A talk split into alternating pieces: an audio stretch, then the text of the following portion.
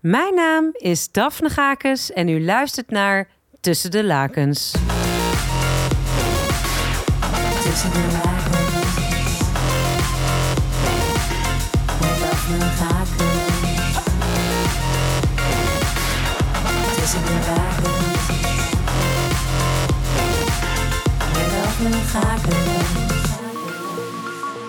Vanaf het moment dat ik me bewust werd van seksualiteit, draai ik iedere steen om op dit gebied. En ik blijk niet de enige. Met uitsluitend leuke mensen ga ik in gesprek over het leven, de liefde en alles wat zich afspeelt tussen de lakens. Tussen de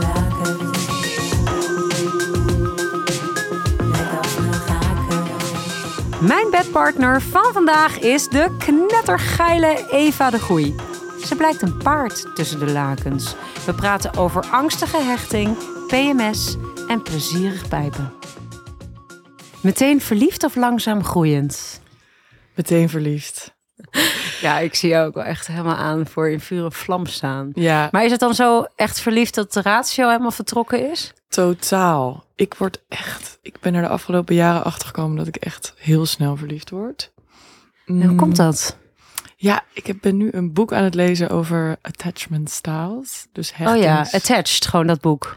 Eh, nee, Polysecure heet het. Oké, even in gericht de op show notes. non-monogamie. Ja, is Oh echt ja. een geweldig boek. En ik denk dat ik toch wel een beetje... Daar staat ook in dat mensen die dan anxiously attached zijn... dat die Angstig gehecht. angstig gehecht, ja.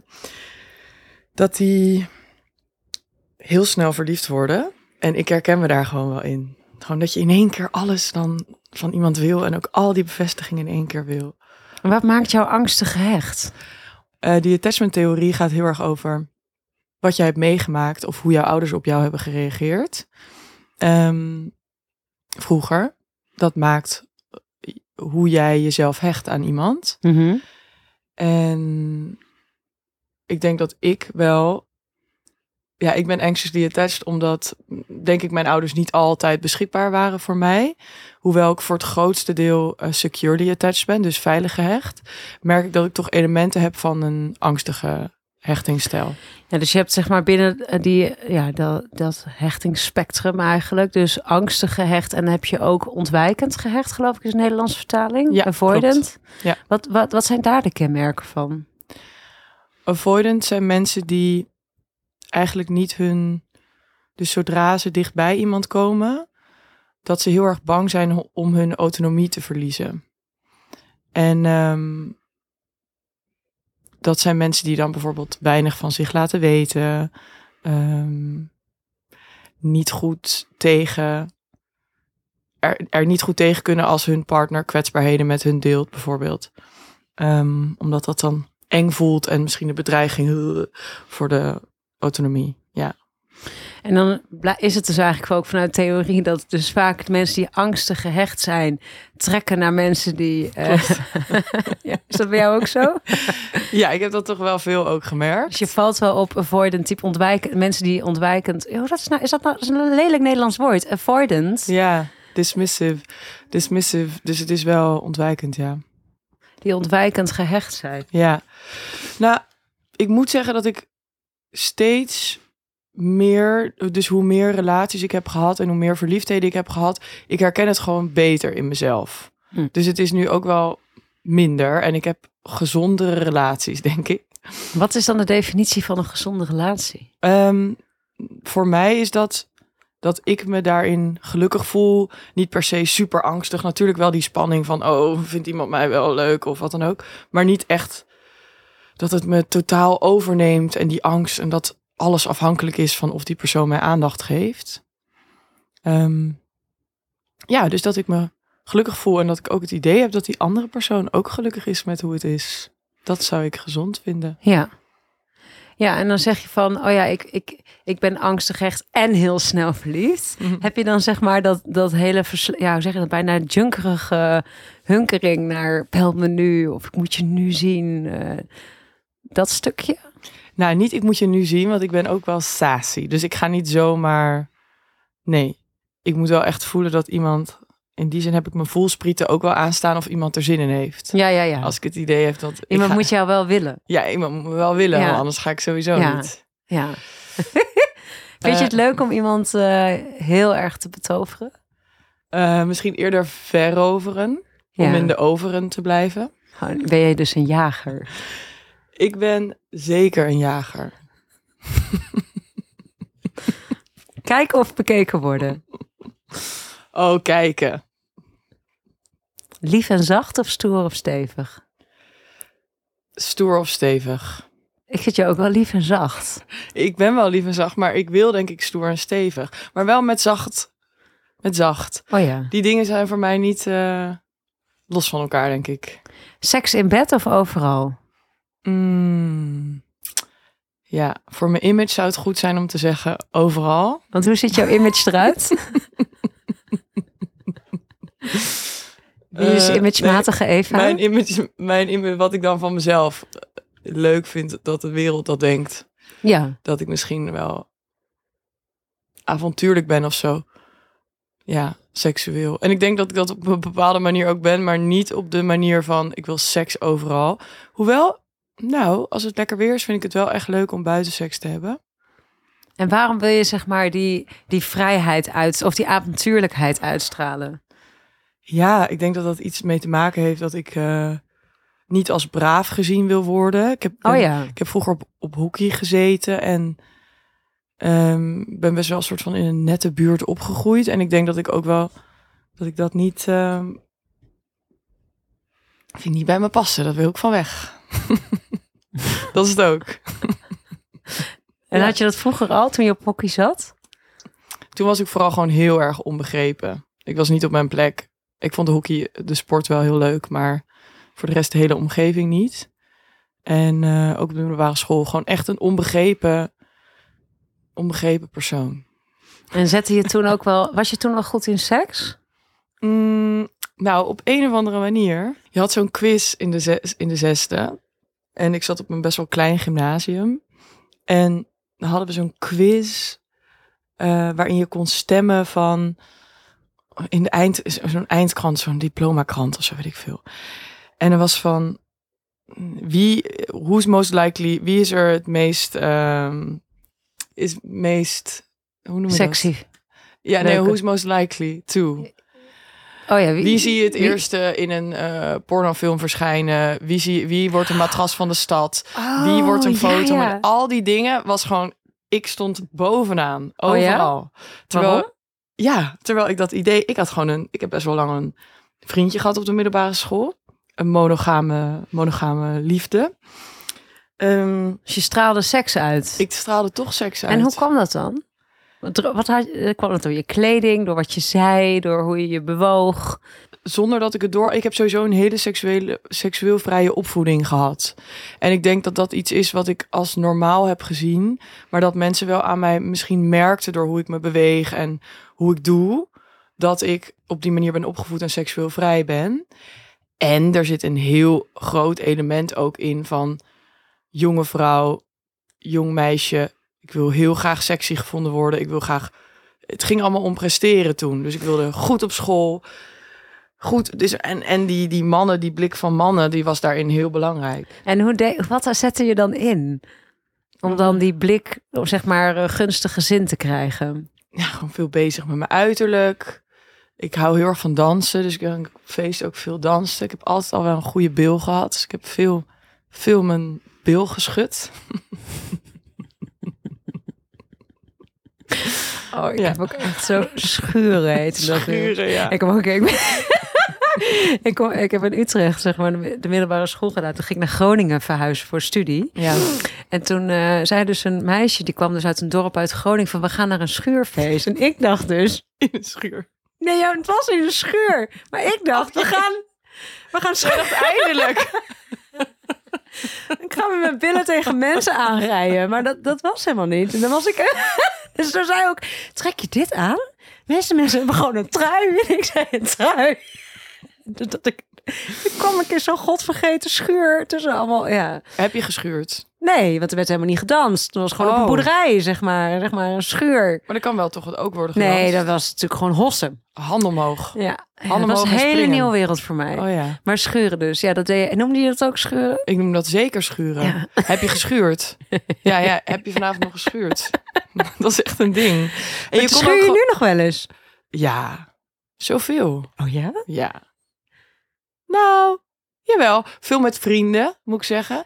M- wat minder met onbekenden. Ja. Nou, ik vind het zo'n mooie kijk op dansen eigenlijk. Ja. Dat is dus zo, het is zo plat. Ja, het is echt plat. Ja, en erotisch tegelijk. Want om het te doen is eigenlijk best wel sexy. Maar wat ik er achteraf denk, het is wel heel pleasant naar de man. Ja, heel erg. Dus ik weet niet of ik er zelf echt plezier uit haalde. In de zin, Want ik initieerde ook nooit de schuur. Hè. Je werd ook echt beschuurd, als het ware. Dus je ging dan uit. Of dan had je een schoolfeest. En dan wachtte je echt tot een man jou Achter kwam je. pakken. ja. Ja, inderdaad. En soms moest je ook nog eens even kijken achterom. Van wie is dit? eigenlijk?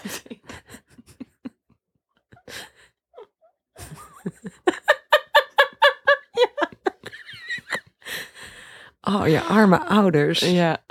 Vertelde je dat thuis? Ik vertelde best wel veel thuis. Ja, ik heb echt seksueel vrije ouders. Dus eh, eh, mijn moeder is gynaecoloog en mijn vader is uroloog. Dus sowieso praten over seks, over reproductieve organen, piemels, vagina's, vulva's, alles. Clitorie. Dat was heel, ja, dat gebeurde gewoon. En niet per se ook op een seksuele manier altijd of zo. Het was gewoon heel normaal. Eh, en ik praatte met mijn ouders zeker ook over wie ik leuk vond, verliefdheden, dat soort dingen. Wat heerlijk lijkt me dat ook wel. Ja, De geur van vers zweet of van parfum? per zweet. Lang en uitgebreid vrije of kort en hevig? Lang en uitgebreid. Nou, allebei lekker. Ligt een beetje aan, de, aan eh, hoeveel tijd er is. Je hebt nu op dit moment met verschillende mensen seks, toch? Mhm. Hoe, ziet, hoe geef je dat vorm? Ik heb een vaste relatie. Ik had meerdere vaste, vaste relaties. En nu, ja, ik leef dus non-monogaam nu zeven jaar. Dus dat betekent dat eh, non-monogamie, dus niet monogaam. Mm, en ik merk dat daarin, het is gewoon niet heel binair. Het is niet van of je hebt een relatie of je hebt geen relatie. Dus ik relateer wel aan verschillende mensen op een seksuele of romantische manier, of allebei. Ehm, maar ik heb daar niet altijd zo'n label voor. Maar ik heb wel met meerdere mensen seks, ja. Heb je verschillende seks met die verschillende... Zijn het allemaal mannen of ook vrouwen? Ja, op dit moment zijn het allemaal mannen. Heb je verschillende seks met die, met die verschillende mannen? Ja, zeker. Heel verschillend. Dat is het leuke eraan. Dat je iedere keer een andere interactie hebt met iemand, ook seksueel. Ja. En weten die mannen van elkaar? Ja, zeker. Ik ben sowieso zeer ehm, op een bepaalde manier wel heel transparant en direct. Ik ben er al heel snel achter gekomen dat ik, ja, dat zeggen mensen altijd, ik ben echt niet goed in liegen, maar ik ben echt niet goed in liegen. En ik vind gewoon heel, ik, ik kom er heel erg voor uit dat, ik, dat dit is wat ik te bieden heb en dit is hoe, het, hoe ik mijn leven voor me zie. Ehm, En heb jij nog contact met eh, de meisjes uit het hockeyteam of je middelbare school? eigenlijk heel weinig. Ik ben wel benieuwd hoe die dan zeg maar over deze levensstijl eh, denken. Kan je daar een invulling aan geven? Ik heb geen idee. Ik denk gewoon alleen maar van, het gaat ze echt helemaal niks aan. Dus heb je daar een beetje uit, een beetje uit het kakkineuze eh, bestaan eh, ontworteld? Ja, al heel snel. Op de middelbare school was dat al wat meer. ja. Ehm, Maar toen was je nog wel, mon- toen leefde je in een monogame relatie. ja, klopt. En wat is dan het punt geweest waarop je voelde van, ik wil dit niet meer, monogaam leven? Dat was in de zesde klas. Toen woonde ik praktisch bij mijn vriend die al studeerde in Delft. En ja, we hadden echt een lieve en leuke relatie. Ik weet nog echt, ik was zo verliefd op hem. Oh my god. En eh, dat ik echt moest huilen soms als ik naar hem keek, dacht ik van wat ben jij mooi. Maar goed, dat was er dus. Dat was er aan de hand in mezelf. En tegelijkertijd mm, bij het uitgaan merkte ik dat ik het gewoon heel leuk vond om ehm, met mensen te flirten, dansen, zoenen. En toen begon ik ook die, die ongeschreven regels van, oh, je hebt nu een relatie. En wat betekent dat dan? Ehm, die begon ik toen te onderzoeken. Want ik begon dan bijvoorbeeld. Dan was ik niet vreemd gegaan. Want ik had de hele avond met iemand gedanst, intieme gesprek gevoerd en aan iemands oor gelikt, bijvoorbeeld. Maar ja, dat was niet vreemd gaan. Want ja, vreemd gaan was als je had getongzoend. Dat vond ik dan heel. Dat soort dingen waren mij toen, eh, kwamen mij toen heel vreemd Ja. op mij over. En ik merkte dat het niks deed voor mijn de liefde die ik voelde voor mijn vriendje. Dus die verliefdheid die ik had, die was zo hevig en tegelijkertijd kon ik zo genieten van het flirten, het likken aan oren van andere mensen.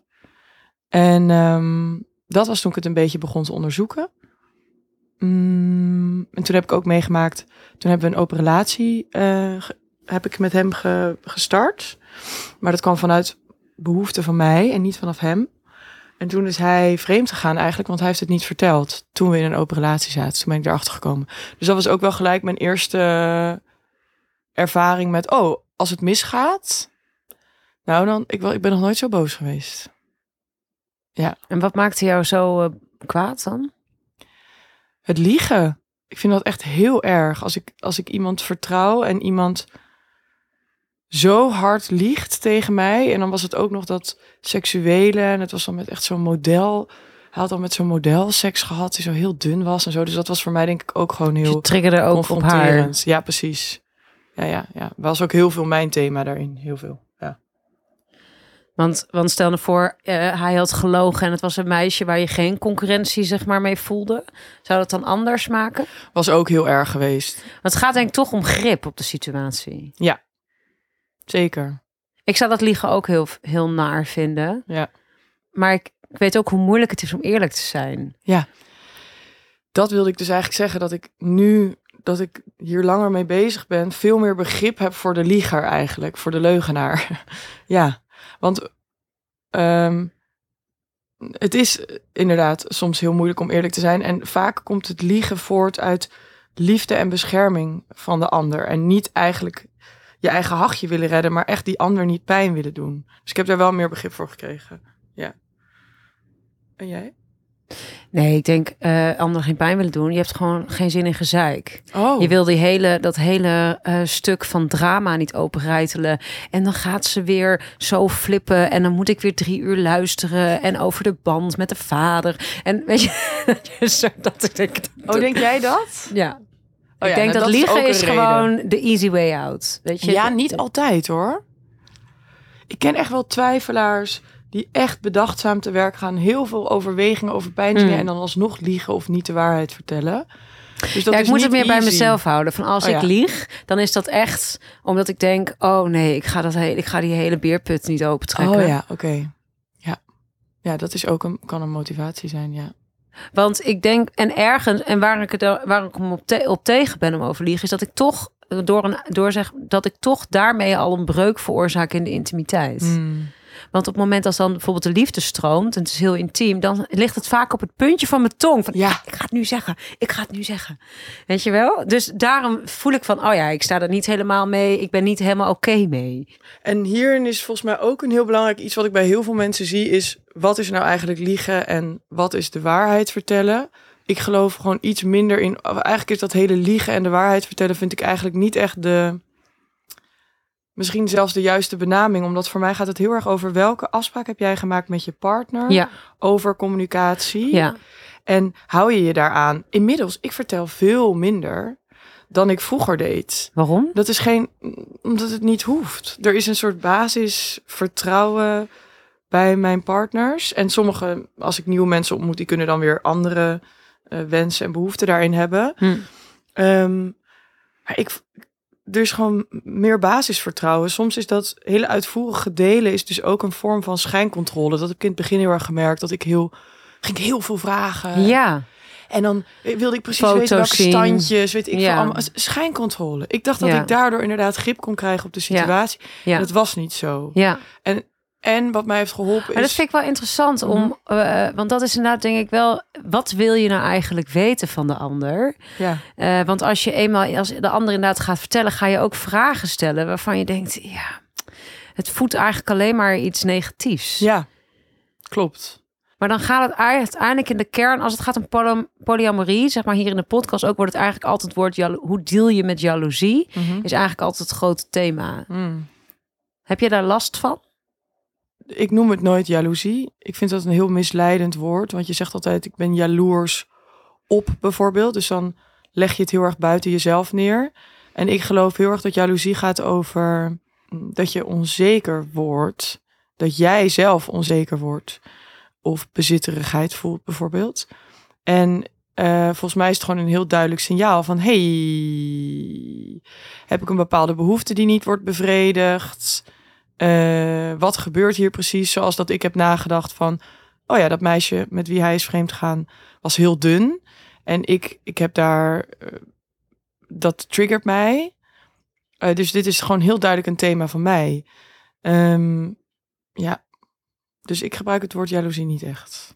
En maar wat zegt dat dan? dan wat zegt dat dan? Wat zegt, en dan oké, dan, dan zeg je van dit is een thema van mij. En dan? En dus dat gaat dus eigenlijk Ja. over je, je zelfbeeld. Ja, precies. En wat en dan? Nou, en dat inzicht helpt mij met het niet alles gooien over de schutting. Ja. En Ja, zelf ja. verantwoordelijkheid nemen. Ja. Ja. Nou, en daar zit je dan met je, met je lage zelfbeeld over je lichaam. Nou ja, wie vindt zijn lichaam dan wel mooi? Vraag ik me ook af. Maar goed, weet je. Nou, en dan? inmiddels. En dan? Wat ga je dan doen? Mm, dan is dat ook een manier om te communiceren. Om uit te leggen aan je partner van waarom ik zo flipte bijvoorbeeld. Ja, ja. Dus het kan denk ik wel voor wederzijds begrip zorgen en daarom meer connectie. Het zorgt ook voor een dat ik dat ik gewoon zachter ben naar mezelf. Van oh ja, Eve, jeetje. Tuurlijk was je zo boos en was je zo overstuur. Jij zit hartstikke hard je best doen om zo dun mogelijk te zijn. En er komt een dun iemand voorbij en daarmee is je vriendje. Dus het is ook, ik ben dan lief naar mezelf. En, en vaak komt er ook gewoon heel veel humor bij kijken. Zodra ik door heb dat een thema van mij is, maar dat ik het heb geprojecteerd op een ander. Ja, ik vind dat ook lollig. Ik vind mezelf ontdekken. Maar En- dan kom je eigenlijk bij het lieve, zachte stuk van Eva. Van, Ja, ja, Hè, hè, dat ik niet een soort queen ben. Die... ja, onzekerheid. Wat denk ik voor die mannen ook wel heel fijn is als daar toegang toe is. ja, zeker. Je bedoelt toegang.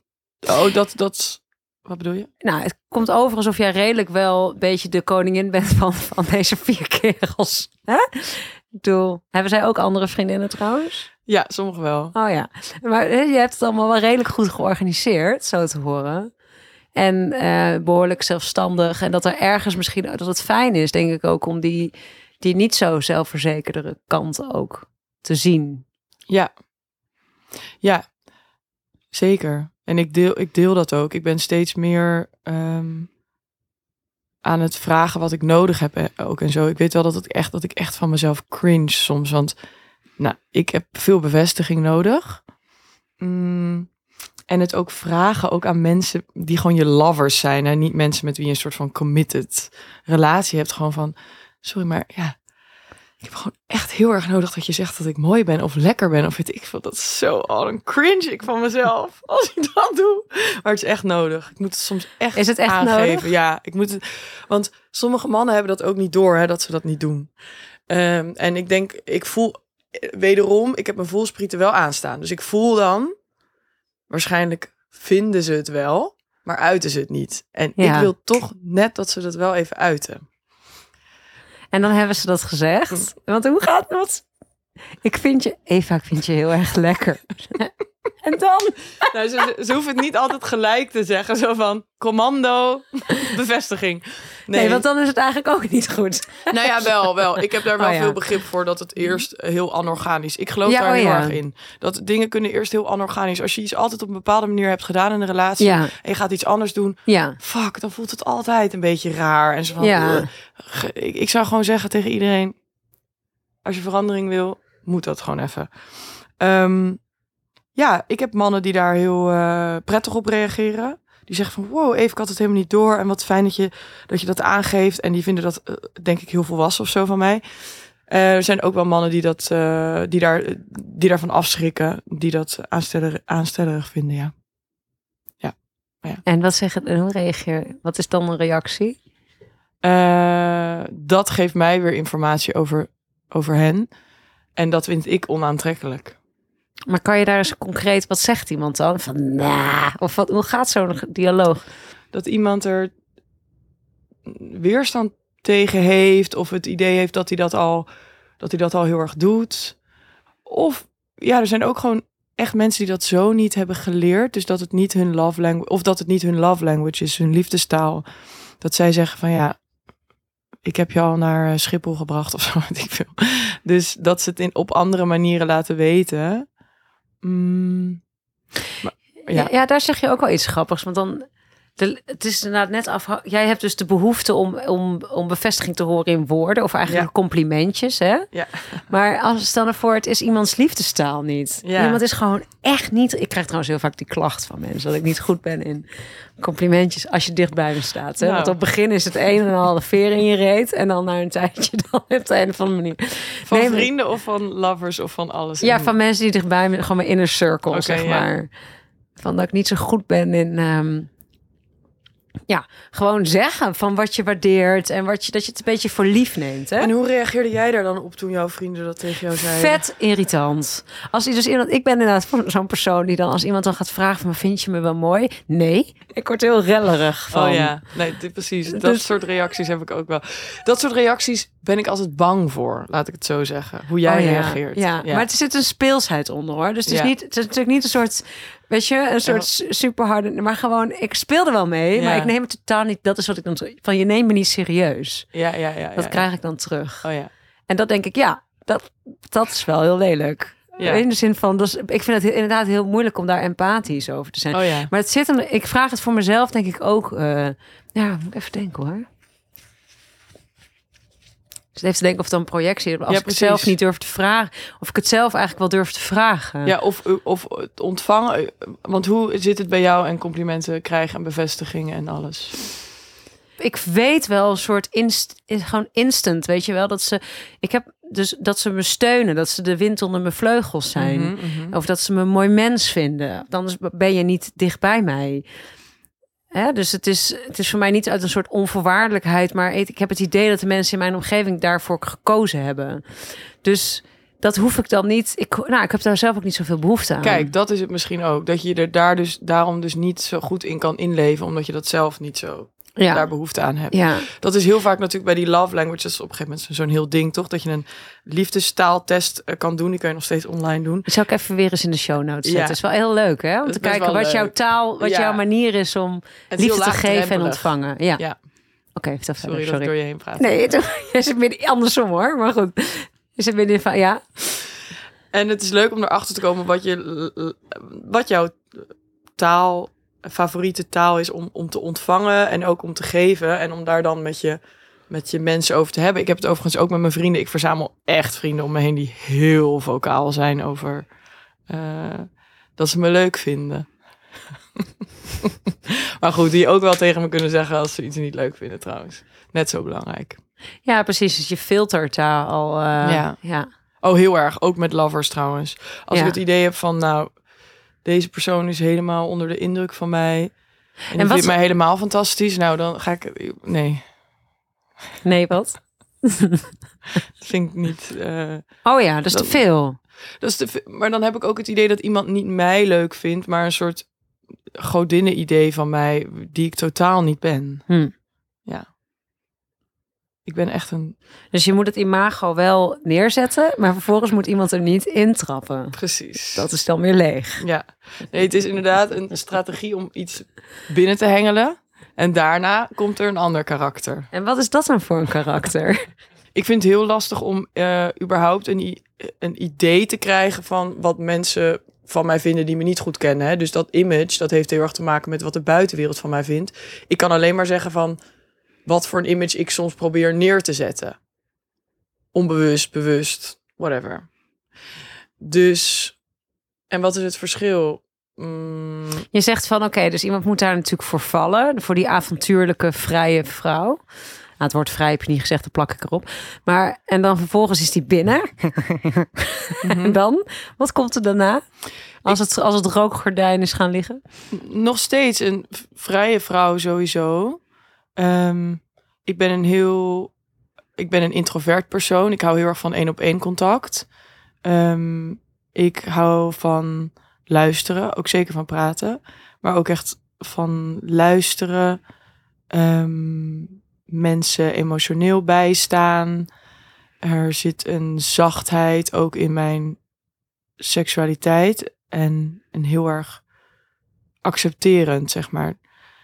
En ja, dat is denk ik wel anders dan wat mensen verwachten. En Hmm. Ja. Ja. Ja. Ik heb hier een aantal dieren. Ja. Welk dier ben jij? paard. Ik vind die er het meest eh, gezond en eh, geil uitzien. Ben jij je bewust van je cyclus? Dan ben je een echte merrie. Hormonen en voortplanting zijn bij paarden onlosmakelijk met elkaar verbonden. Drachtige merries vragen om veel aandacht. Als de hengst hier zin in heeft, snuffelt hij aan de merrie, krult zijn lip en bijt in haar hals. Als de merrie gunstig in haar cyclus zit en dekrijp is, gaat ze voor hem staan, waarna de hengst haar bespringt. Wauw, ik wil dekrijp op mijn, op mijn dating app profiel. Ik ben dekrijp. Ben je bewust van je cyclus? Zo erg. Oh mijn god. Ik ben echt...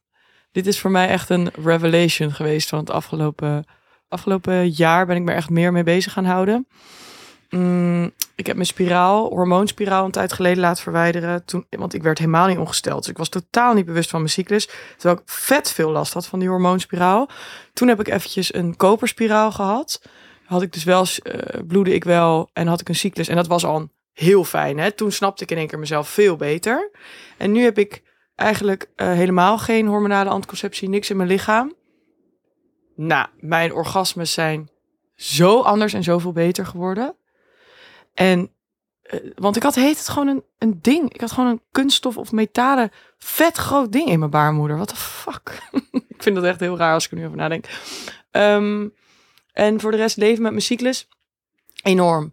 Ik ben echt eh, twee weken voordat ik ongesteld moet worden. Ik heb PMDD, dus dat is een soort hele heftige PMS. En eh, ik ben dan echt een ander mens. En Wa- wanneer ben je een ander mens als je ongesteld moet worden? nee, die twee weken voor mijn ongesteldheid. Wat gebeurt er dan? Ehm, ik krijg, eh, ik word somber. Ik krijg veel meer last van paniekaanvallen. Ik slaap slechter. Eh, ik denk dat de wereld boos op mij is. En mijn vrienden ook. Eh, extra veel bevestiging nodig dan. En, ehm, en eigenlijk de dag dat ik ongesteld word, is gewoon verdwijnt het als sneeuw voor de zon. Dat is ongelooflijk. Dan, dan denk ik weer van, oh ja, ik Wat ben me heel weer. erg zo verbaast, zeg maar, over de cyclus, is dat eh, het overkomt ons iedere maand. Weet je, wel, terwijl je weet, het gaat er aankomen. En toch is het iedere keer weer een soort verrassing. Ja, ik, ik voel je heel erg daarin. Zo Dat is toch, ja. Ja, Maar richt je dan ook, nou, je, je weet het nu van jezelf, maar richt je ook je agenda daarop in? mijn professionele leven nog niet zo. Ik merk dat ik dat lastig vind. Ook doordat er wel een bepaalde soort constante van mij wordt verwacht. Gewoon van, dat hoort gewoon een beetje bij carrière maken of zo. Nu in onze masculine kapitalistische maatschappij. Ehm, There, I said it. Ik dacht, wanneer ga ik het patriarchaat erin gooien? Ehm, en, maar mijn seksleven en mijn vriendschapsleven en mijn romantisch-erotische leven, zeker. Ja, heel erg. En wat in dan in die twee weken down, om er even zo te zeggen, Mhm. maar kan dat is een beetje bout geformuleerd, maar is daar een soort andere eh, behoefte aan seks? Ja, ik kan dan minder goed ontvangen. Dus Hmm. ik kan me minder goed overgeven. Mm, Ik ben gewoon nog steeds wel heel geil altijd. Ja. En Eh, waar heb je dan wel behoefte aan? Nou, ik kan wel goed geven. Orale seks geven. Aftrekken. Knuffelen. Zoenen en zo. Maar ik, ik vind mijn eigen lichaam... Ja, ik ben gewoon een beetje meer naar binnen of zo. Ik vind mijn eigen lichaam ook minder lekker. Ik ben gewoon... Ja, want je noemt aftrekken en pijp, maar en gepenetreerd worden. Ja, kan ook. Ik kan, ik kan dat Ja. bijna altijd.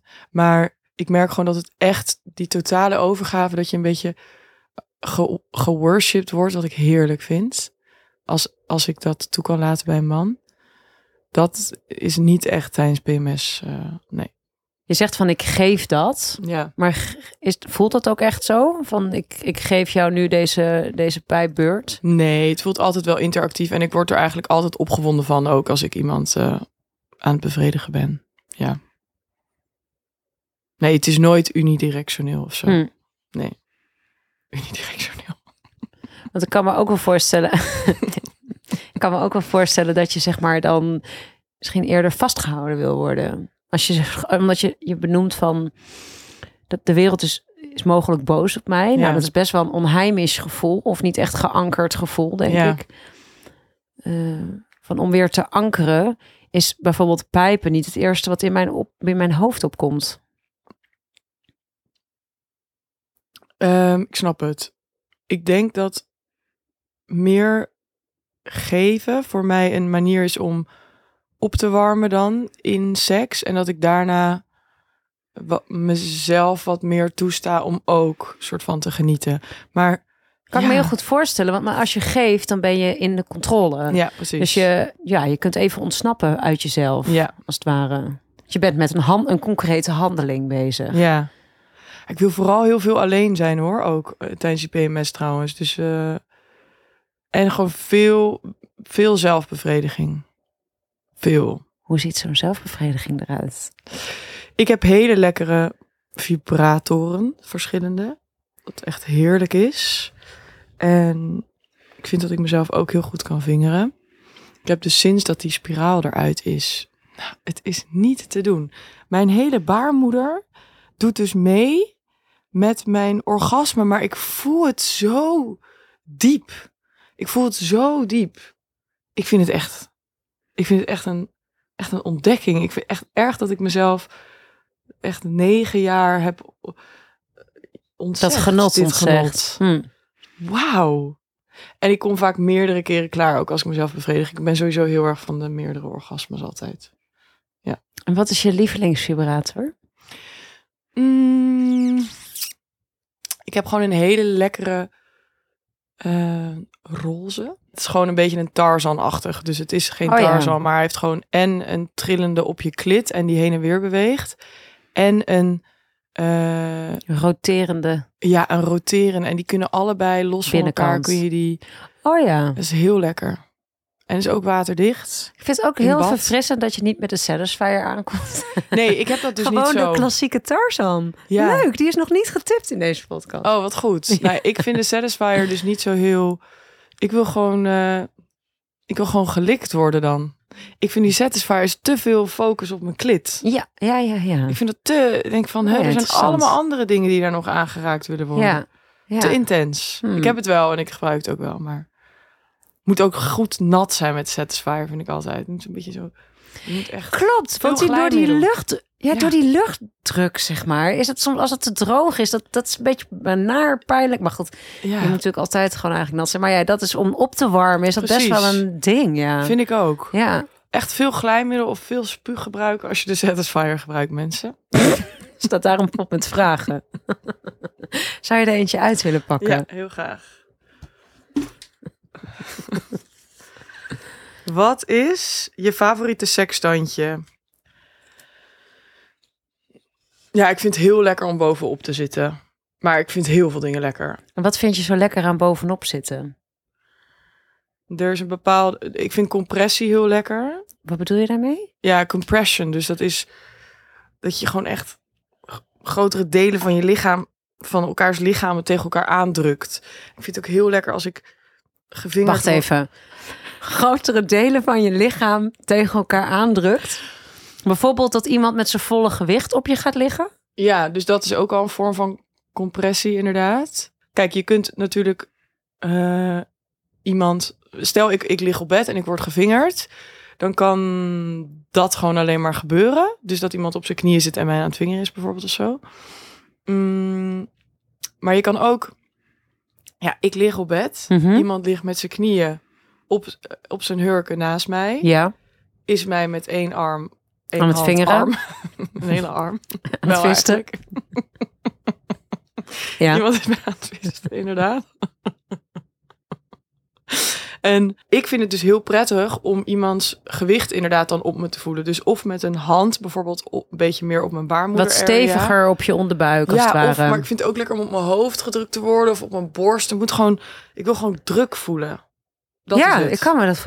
Ja, dat is, lijkt me ook heel geborgen. Ja, is heel lekker. Dus eigenlijk in die aanraking vragen of die wat, ja, inderdaad, dus druk, wat, wat druk wil geven op één plek. Precies. En ik heb, eh, als ik bovenop zit, is er dus standaard een hele, heel, heel gebied met druk. Want ik zit gewoon met mijn hele bil, ik heb ook een vrij grote bil, zit ik gewoon helemaal lekker op iemand. Dus er is gewoon veel druk. Ja, maar, de, maar ergens is dan de bedoeling dat daar eh, eh, frictie komt. Ja. Hoe zet je dat dan in als je bovenop zit? Ben je zeg maar een soort ronddraaier met je heupen of een op- en neerbeweger? Allerlei verschillende soorten dingen. Ik moet ook even achterkomen wat degene op wie ik zit lekker vindt. Dus als ik merk gewoon waar iemand op reageert. En Wat grappig, want het is dus niet dat je zegt... ik moet even voelen wat ik lekker vind... en ga dan vervolgens gewoon, ja, masturberen. maar je bent gewoon bezig met kijken naar de ander. Als je op iemand en zit. luisteren. Maar en ik vind namelijk heel veel dingen heel lekker. Zeg maar, ik word, ik kan op heel veel verschillende manieren gestimuleerd worden. Ik heb niet één manier waarop ik klaar kan komen. Het is gewoon echt een heel palet bij mij.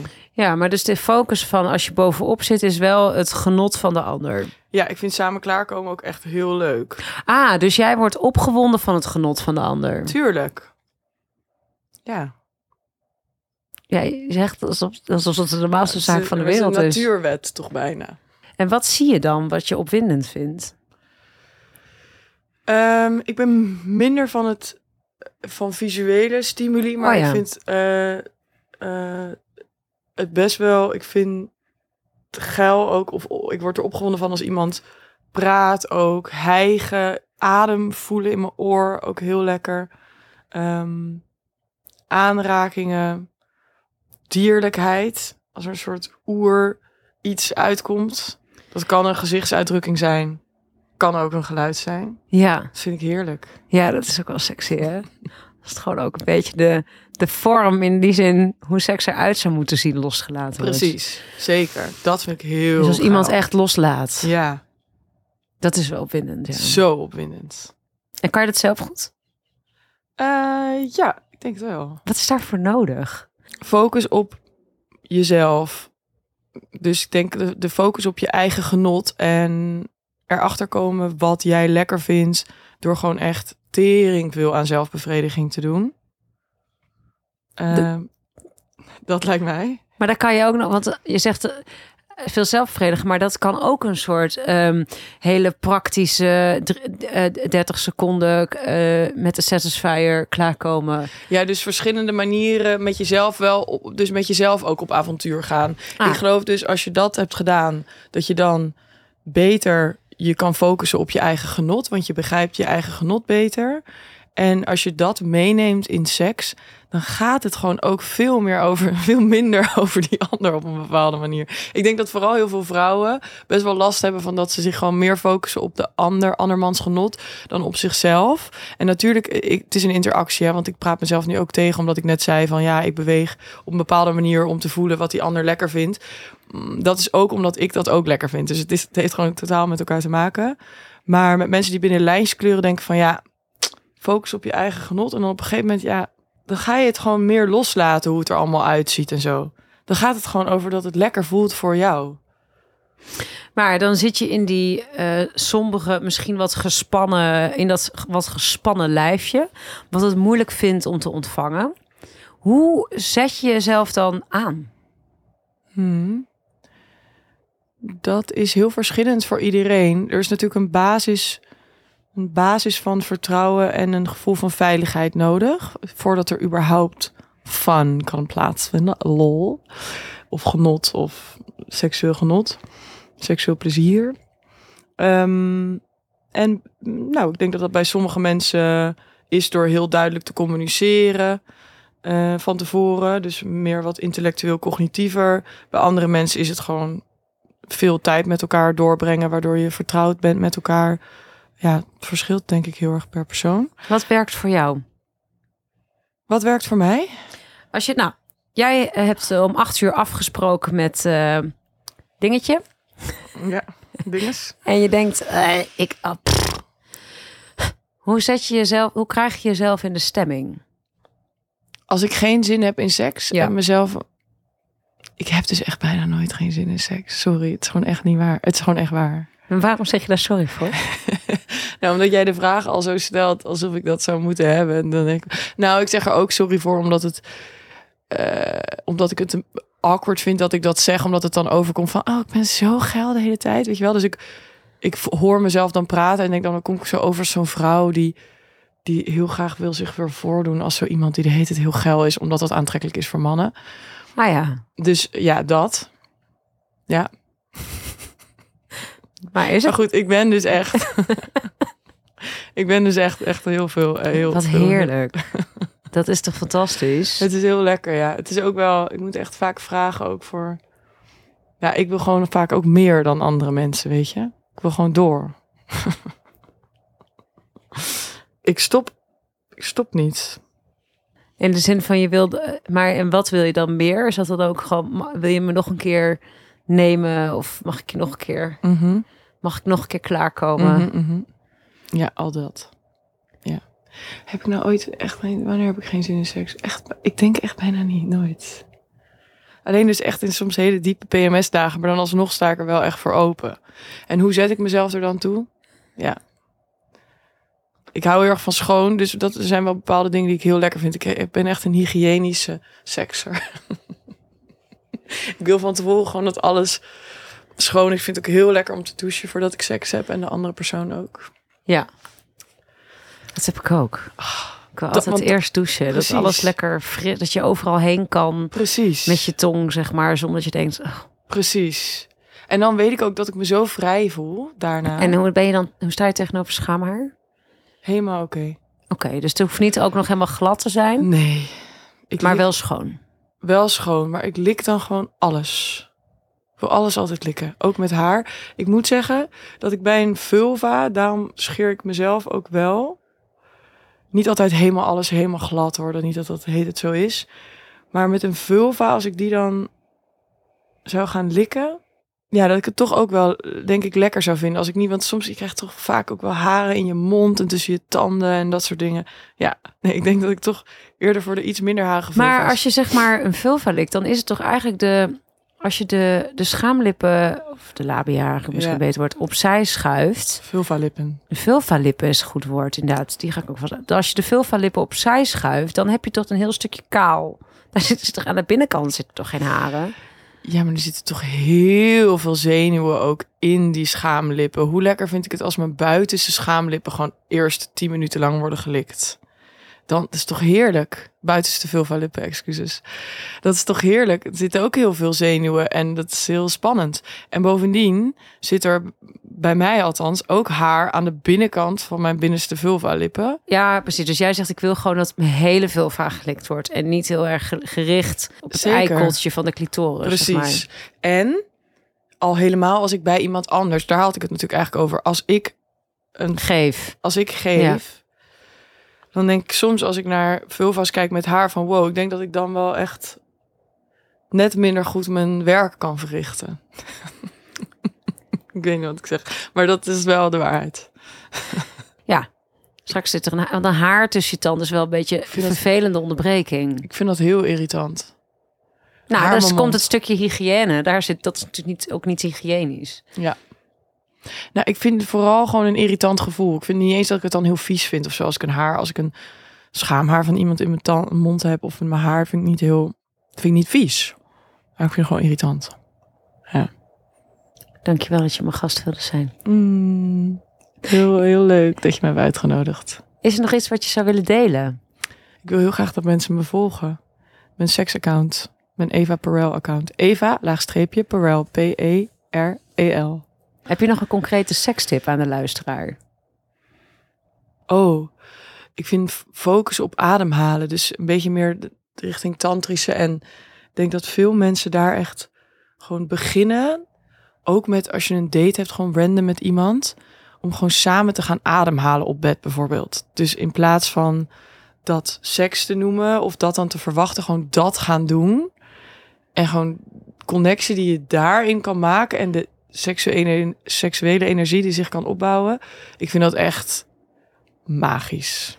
En hoe ziet dat eruit, samen ademen? Want we ademen eigenlijk de hele tijd wel samen. Ja, dat je je ook echt dat je dat afstemt. Dus dat je wel zo dichtbij bent. eh, of bij iemands mond of bij iemands buik. Dat je dus iemands anders ademhaling kan voelen, horen, ruiken misschien zelfs. En dat je die op elkaar afstemt. En kleren aanhoudt bij voorkeur. En dan gewoon voelt wat er gebeurt tussen jullie. Ja, ik vind dat een hele goede, bijna ook een bijna goede test of ik seksueel compatible ben met iemand. Of het seksueel past. En zit je dan tegenover elkaar of naast elkaar of in elkaar? Wat of- je wil. Nee, niet in elkaar. Dus je hebt kleren aan eigenlijk. Ja, nee, ik bedoel zeg maar over iemands schoot. Of, maar je zoekt gewoon een fijne houding. En heb je oogcontact? Niet altijd. Kan wel. Ligt een beetje aan ook hoe... Ik heb ook best wel angstige mannen gehad. Of mannen met erectie... Mannen gehad. mannen met erectie, probleem bijvoorbeeld. Of...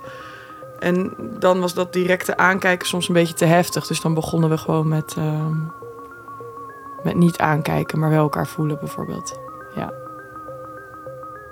Mooie tip. Dank je. Dankjewel. Tot zover Eva. Deze podcast maken vind ik serieus te gek. Ik heb er heel veel plezier in, maar het kost tijd en geld. Om dit te kunnen blijven maken, zou je me kunnen helpen. Ga naar vriendenvandeshow.nl slash tussen de lakens en doe een maandelijkse of een eenmalige donatie. Voor nu ontzettend bedankt voor het luisteren. Tot de volgende!